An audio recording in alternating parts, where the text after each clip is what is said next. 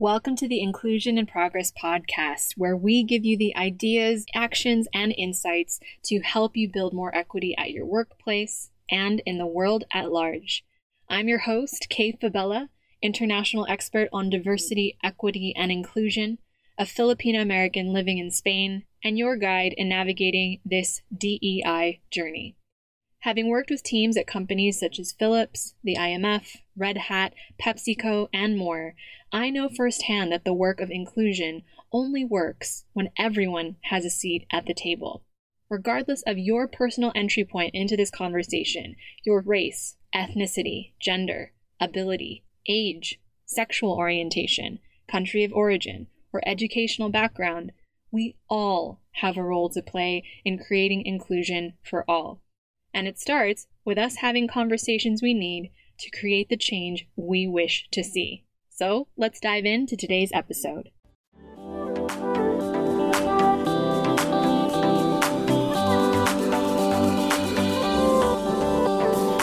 On this episode of Inclusion in Progress, we are welcoming Felicia Jadczak, the co CEO and co founder of She Geeks Out, a company that provides holistic solutions for creating a more inclusive work culture.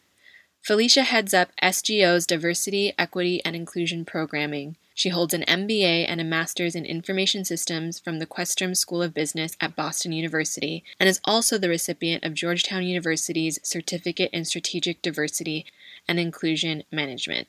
To find out more about her work with She Geeks Out, the community events she hosts, and the different solutions she provides, head to the link in the show notes. Welcome back to Inclusion in Progress. Today, I'm excited to have with me the amazing Felicia Jadczak, co CEO and co founder of She Geeks Out, entrepreneur, speaker, and pretty much DNI master of the universe.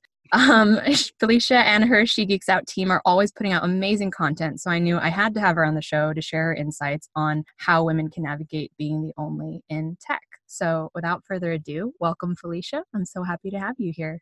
Thank you. I'm excited to be here as well. I know our listeners are going to walk away with actionable insights today. As I was sharing with you before you hit record, I just like fangirled over your website and I was like, oh, we need to have this woman on the show. She's smart. so I've already shared about you in our intro, but could you please tell us a bit about yourself, your work, and how She Geeks Out came to be? Yes, happy to. And and thank you already for the kind words. I love feeling pumped up going into anything like that. So appreciate it. So I am the co-founder and co-CEO of She Geeks Out. And for those of you who may have seen our stuff on the web or are seeing show notes or anything, you may notice that we have a plus in our name. And I'll explain about that in just a minute. But my background is I was a very unwilling participant in the tech industry for many years. I went to college for French and English literature and thought I would never have to do anything STEM related at all. But then when I graduated in 2004 into a recession, I could not really find a lot of work at all. So I ended up getting a job in the tech field and kept trying for many years to get out of it to no avail and ultimately decided okay this is actually where i belong and kind of gave into it but spent my entire career in tech and i was working for a large software company when i ended up meeting my now business partner rachel murray and we started to do these events for women in tech in Boston, Massachusetts area. And they were just sort of side projects, really fun things that we would do as a hobby. And it just sort of it started to grow and grow and grow. And ultimately, the TLDR version is that we turned it into a company. We started the company, and then in 2016, we both ended leaving other full time pursuits and projects to do She Geeks Out full time.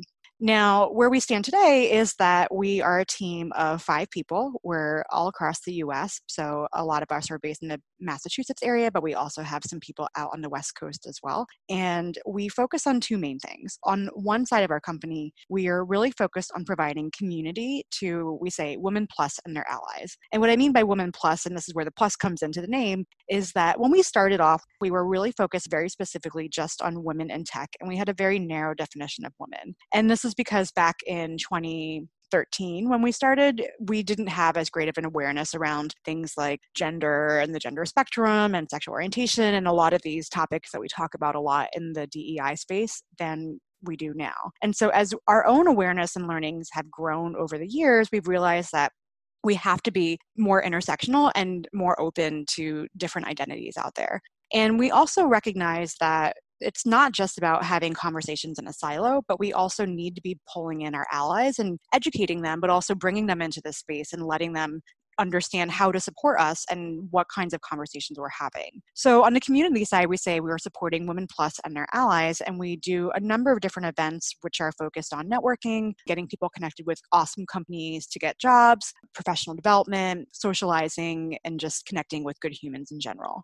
On the other side of the house, which is where I spend more of my time, we do diversity, equity, and inclusion training for companies and organizations from all different industries and walks of life. And we're really focused on moving the needle with organizations. So the idea is that if we're on the community side really trying to get people into great jobs and into great companies, it's really not going to help us or them if once they get into these companies, these organizations are not set up to understand how to support, retain, and grow their people. And so we're working with companies to help educate them and help work with them to figure out how to move that needle on the spectrum of inclusion and how to be more aware around different dynamics around power and privilege and oppression that are set up in our various systems and structures. And so we do a lot of work with organizations to figure out what that looks like, how they can improve, what they can be thinking about to mitigate things like bias in the workplace. And uh, so that is a very quick TLDR version of who I am and what I do today.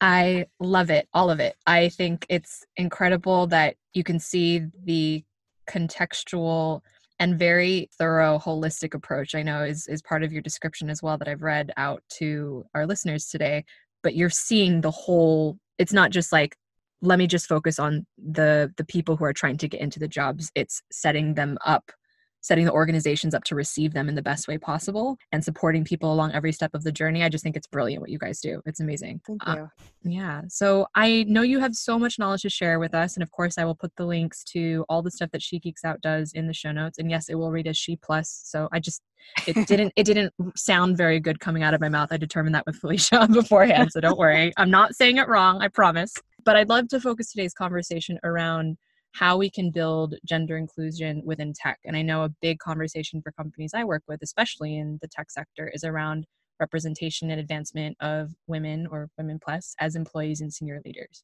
In your experience, what is it about the tech industry in particular that makes gender equity more of an issue than in other sectors?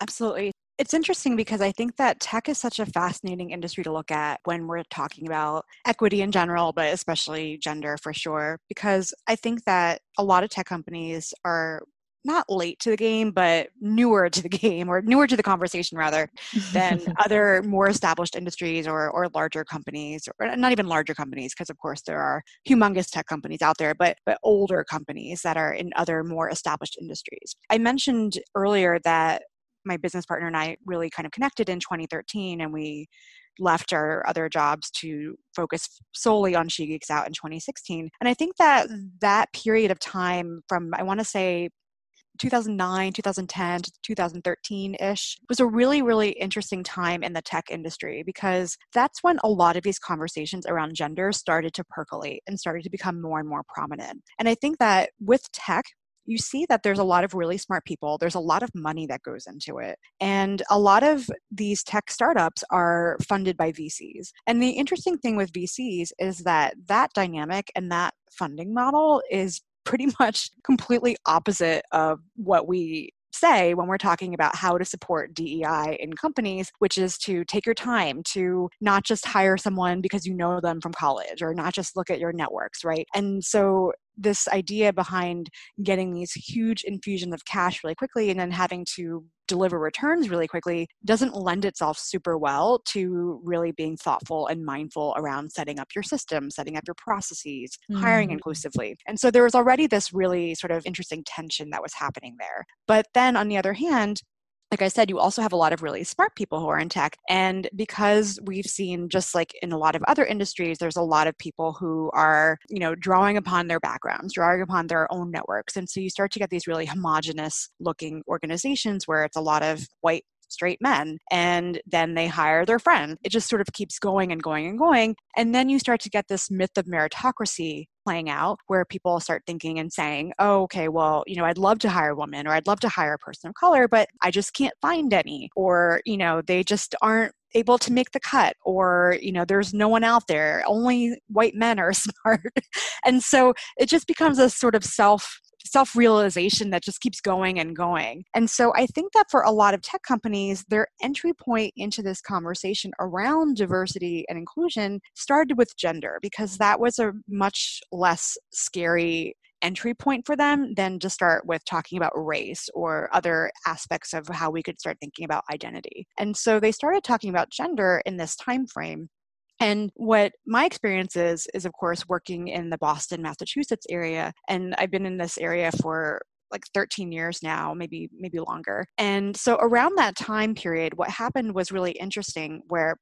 in Boston in that time period, a lot of tech companies started coming into the Boston area because the then mayor, Menino, had worked with local government and city officials to put in place a lot of support to bring in and create incentives for tech companies to be based in Boston. What we started seeing here was that a lot of tech companies started coming in, they started growing, they started getting all this, you know, infusion of cash, the economy was doing great, everything was was chugging away. And so they started realizing that not just was there a need for talent in general, but that their internal groupings were looking very much the same. And so they started looking at women as this quote unquote untapped potential talent pool you know, a lot of these companies kind of came to this conversation because they were just trying to hire qualified people who could help keep things going on their end. And I used to say back in the day that women were sort of like the gateway drug because um, it was almost like, okay, we don't want to talk about all these other scary things or these other intense topics of identity and diversity. But if we start talking about women, that was much more palatable to a lot of these organizations. And so in that time frame, that's where we saw a lot of groups and a lot of organizations saying, okay, we want to hire women. We want to support women. We want to do things for women internally, externally. And that's honestly how She Geeks Out came about is because we were focused on women in tech. And again, during that time period, I used to have this really terrible joke that I would trot out, which is that if anyone a little bit older and remembers in the US, Mitt Romney and his conversations around having binders of women, I was like, you know, we've got the binders full of women. like, there are so many qualified, amazing, talented women out there. And it's not that they don't exist it's just that the systems that are in place for hiring for recruiting for supporting women are just not there. And so it wasn't just about can we hire in women? It was also, we were seeing a lot of attrition where women who were either already in these organizations or who were getting hired in were progressing in their careers and realizing that they were hitting a roadblock where they were getting shunted into managerial positions where they didn't want to do that, or they were getting moved into roles that were less technical just because they were women and not because of their skill set, or they wanted to start families and they were trying to figure out how to balance that and realizing that their companies didn't have have the appropriate resources in place or some companies didn't have anything in place and so they were leaving or moving into different industries. And so there's a lot of different things kind of all coming together at once. And i think that what we saw and what we're continuing to see is that a lot of these companies who started off by talking just about gender then started realizing that it wasn't just a gender issue it really was something much broader and that's where this you know whole intersectionality piece really comes into it and a lot of these tech companies i think since have really started to expand and be much more holistic as you said before too around their approach to supporting difference in general within their organizations but of course it's not like they've solved the problem we're still very much working through it and it's still very much an issue, but I think that um, you know gender was really a jumping off point for a lot of these organizations. I love that you brought back the Mitt Romney binders full of women. I had not heard that in years, and that just made me giggle. I feel like I'm dating myself, but. Oh, well. But honestly, it was such a point. I just don't remember when that was said, and I was just like, "What?"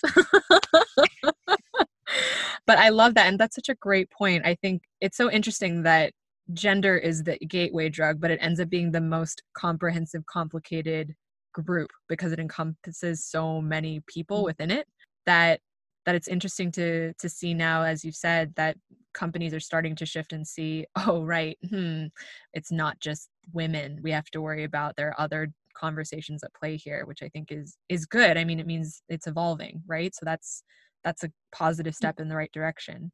When you're working with women now who are in tech, what would you say are the biggest hurdles that they face, whether it's obviously the systemic challenges, uh, external things that they're facing, or even their own mindset? And how would you, for anyone who's listening who is a woman in tech, uh, suggest that they work to overcome those different challenges? Yeah, there are definitely still many challenges out there. I believe it. um, like I said, we have not solved the problems. Um, they're still very much out there, becoming much much more complex and nuanced. Of course, I would say there's a couple things um, that women in tech are still facing to this day. And I'll start with there's been a lot of talk around things like imposter syndrome, right? Where we say, okay, you know, women have imposter syndrome they have to go out there and like ask for what they want. And it's just a matter of overcoming your own internalized beliefs around your skill sets or your qualities. But something that I've been thinking about a lot lately has been how, again, like thinking about how these organizations are structured and how our society has been structured to be very patriarchal. And so I'm kind of getting really annoyed with this idea of imposter syndrome, not because I think it doesn't exist. I absolutely think it is a real thing out there. I know I suffer from it at various points, and I know a lot of people do. And it's certainly not limited to just a woman's issue, it's something that anyone can experience. But I just keep thinking about how imposter syndrome is tied back to patriarchal ideas of how we need to be operating and existing in in work in general. And you know thinking about how we've been taught that it, it's not right to show emotion at work or in order to get ahead we have to act like the men things like that. So that's sort of a, a thought that's been kicking around my mind a lot lately. When i say that one of the big challenges for women in tech to overcome is imposter syndrome I guess what I'm really saying is the bigger challenge that lies underneath it is really again how our companies and how our, our organizations have been structured before we even realize that these things are at play. And so, you know, when we're thinking about getting ahead, when we're thinking about getting that bonus, getting that promotion, getting that pay raise, what hidden and unspoken rules are in place that we don't even know that we're struggling against? I think that we're still seeing a lot of the same old challenges that have been in existence for a very very long time which is things like i mean i think every day there's new research that comes out saying okay you know for a woman to get ahead. Uh, there was a research study I, I, just read recently where something about humor is well received by men in leadership positions, but if women try to be humorous, it backfires against them. That's one strike that you can't be funny if you're a woman you want to get ahead. So um, you know, there's other research studies out there that's like if you ask for what you want, which is what a lot of women are taught or told to do, then that can backfire against you. If you are super serious, then that can backfire against you because you have the chronic condition of what is known as RBF or resting bitch face, and then that backfires against you. There's just basically this system is rigged so hard to get ahead until we start really talking about dismantling the systems in place and, and what we're struggling against from that standpoint, there will always be challenges that women in tech have to overcome. And really all women, right? Not just women in tech. It's not a special a special situation that women in tech have it better or worse off than other industries, but certainly you know i think again going back to this idea that tech views itself as a meritocracy that's just such a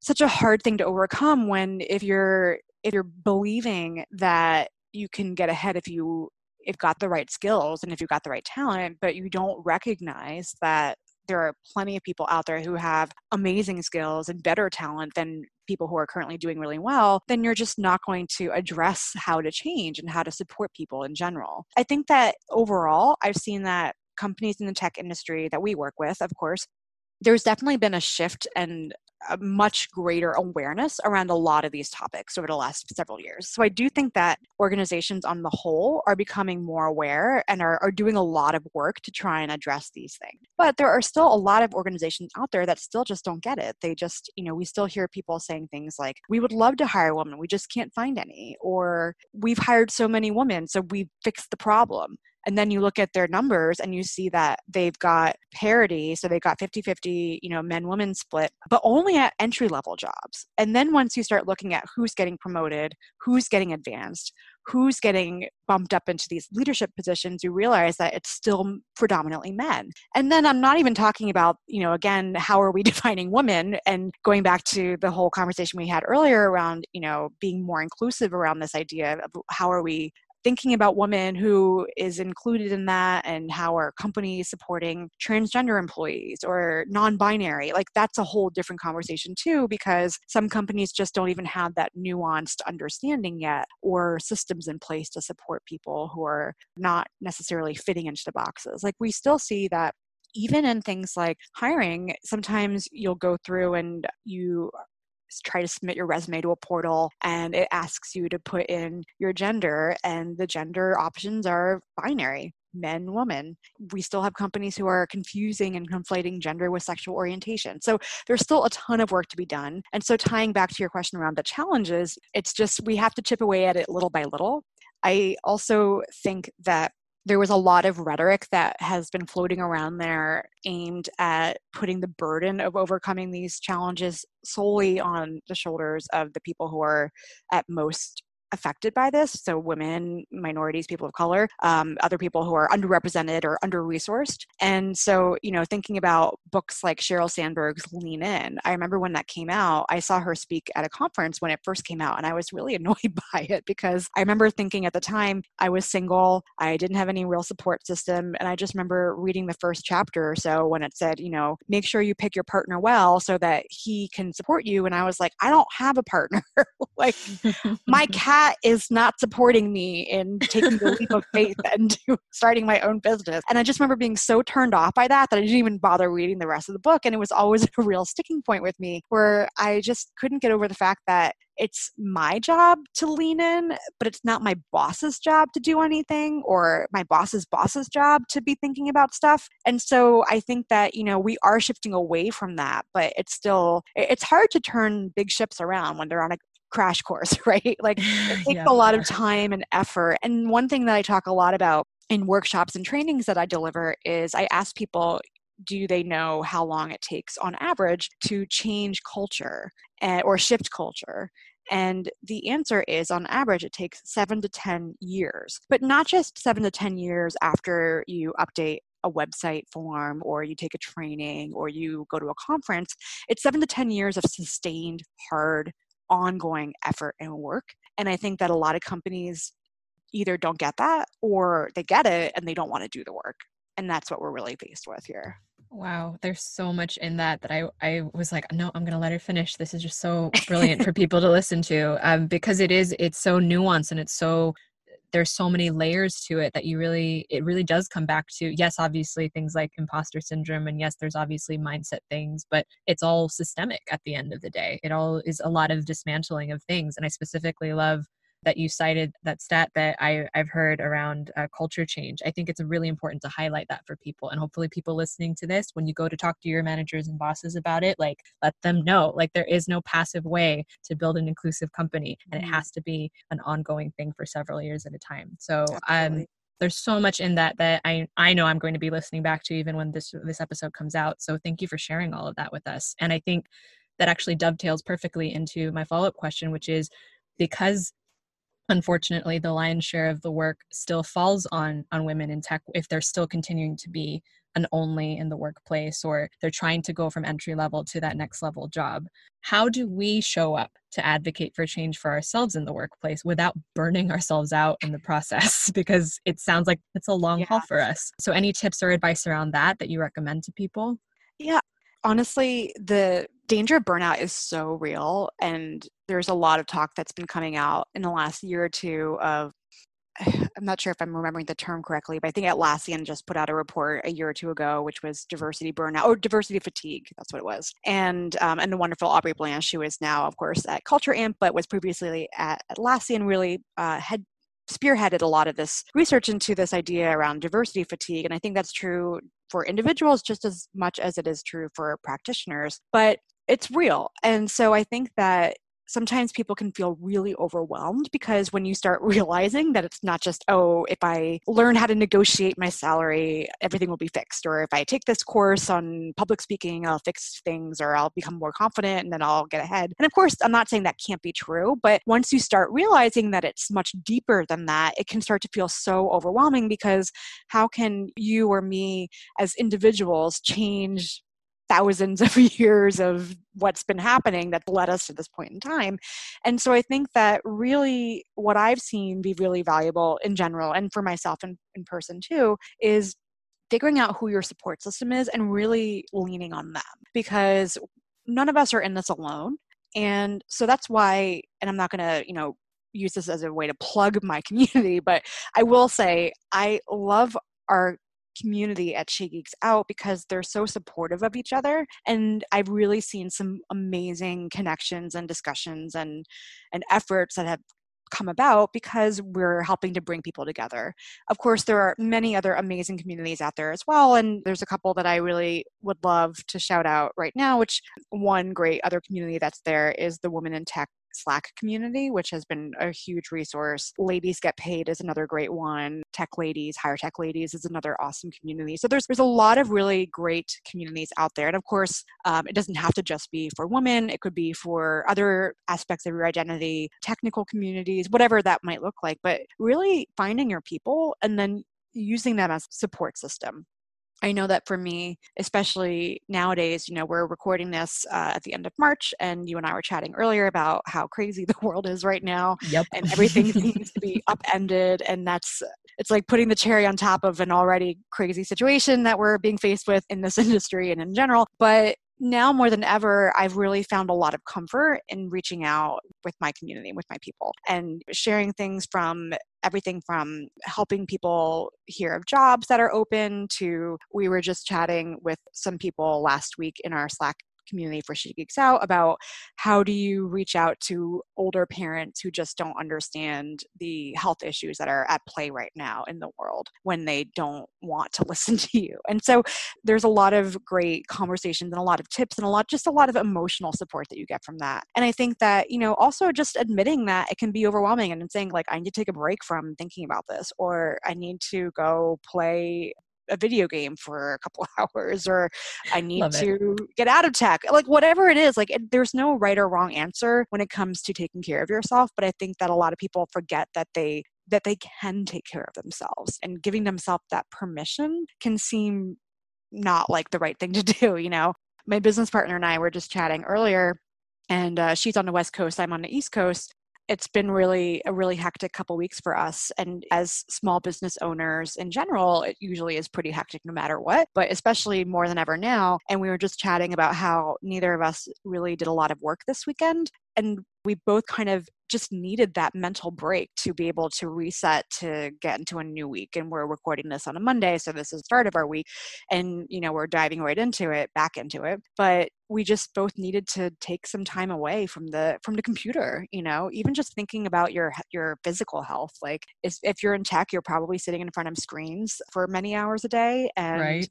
we're sitting in, in front of screens no matter what because that's just really sort of how we are as a society right now between the phone and the tv and the computer and so just stepping away and doing something different and taking that break and i know it might sound a little bit fluffy, I guess, or woo woo, but just I really think that figuring out who your emotional support is and then not being afraid to lean on them and to ask for that help. Because what I see so often is that whether it's something like this or even if it's in a workshop in a training, for example, one thing I say to people who go through my work is that I really encourage them to raise their hand and ask questions because if they have a question, then probably someone else does too. And if you're feeling something, then probably someone else out there also feels that same way same way or also has been through this and can give you some advice. And so, you know, just really remembering that we're all connected and that we don't have to go through it alone is what I would say to that.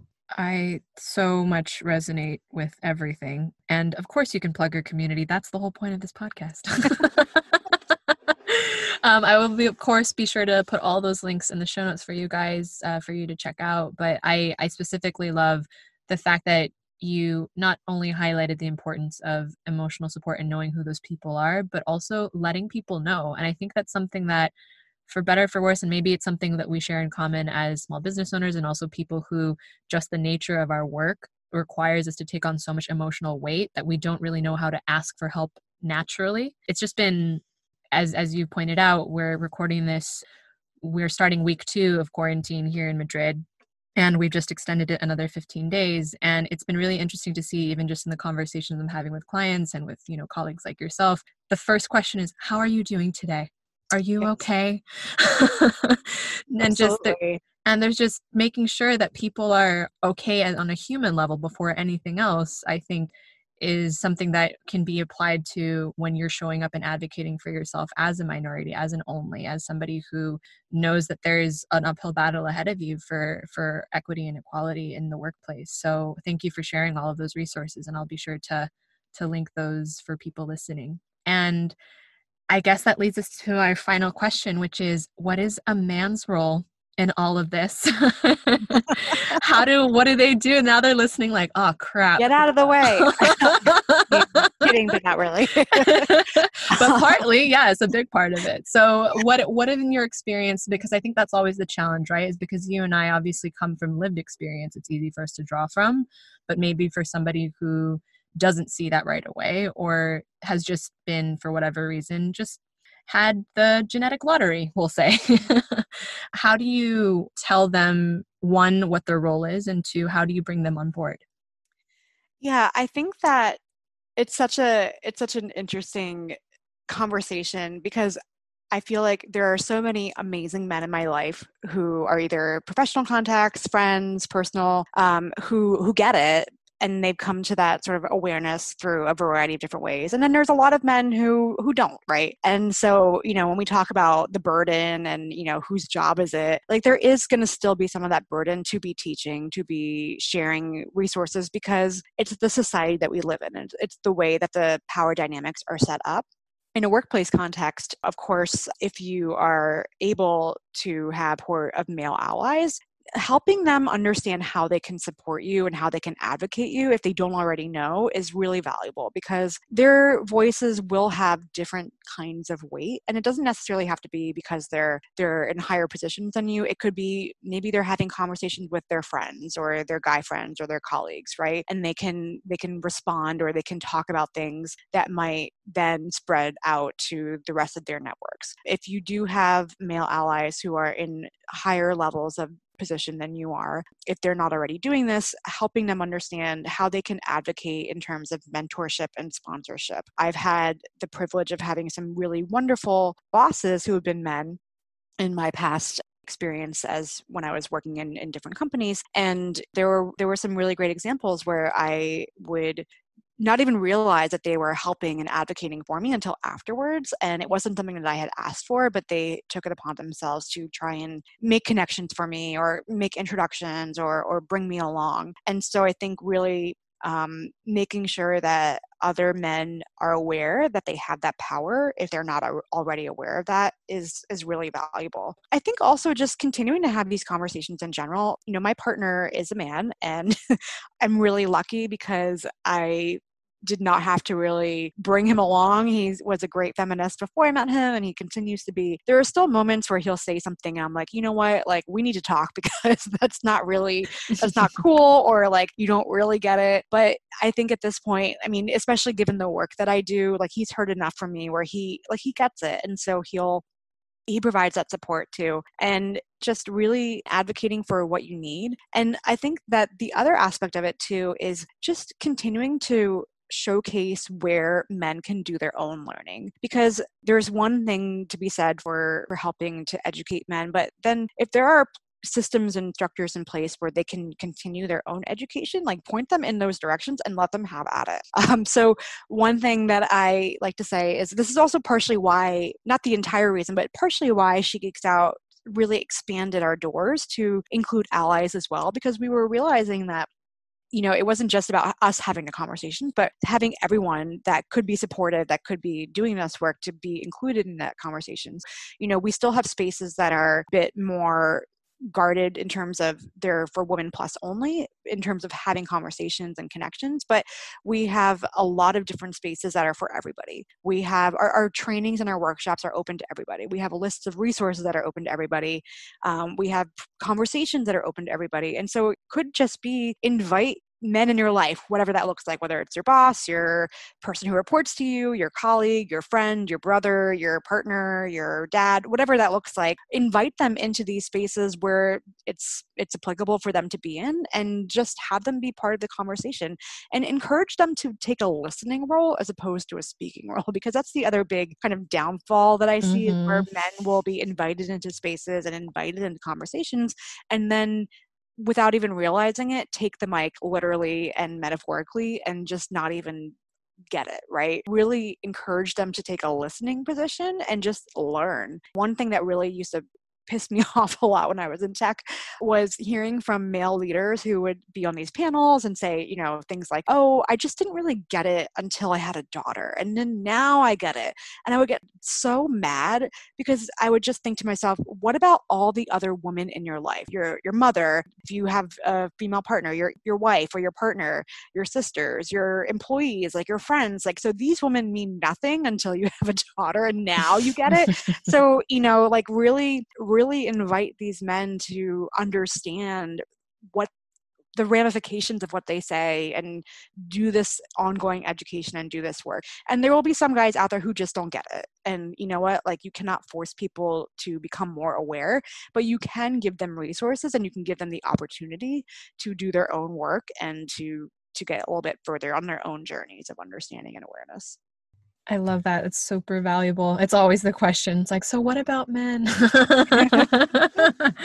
and I I absolutely 100% agree with with you because there is there's so much more work in terms of we know through lived experience, but for a man it's getting to that place of awareness and realizing that maybe that journey is going to have to take place in a large part either individually by pointing them to the right resources or encouraging them to like you said take a listening role i think is so valuable and critical. And and luckily i also benefit from a partner who was born a feminist um, so his as i mentioned before on the podcast my spanish mother-in-law and my sisters-in-law uh, his sisters-in-law are 10 and 9 years older than him and him and his dad have been trying to complete a sentence for like over 30 years which i'm like yes i got the jackpot.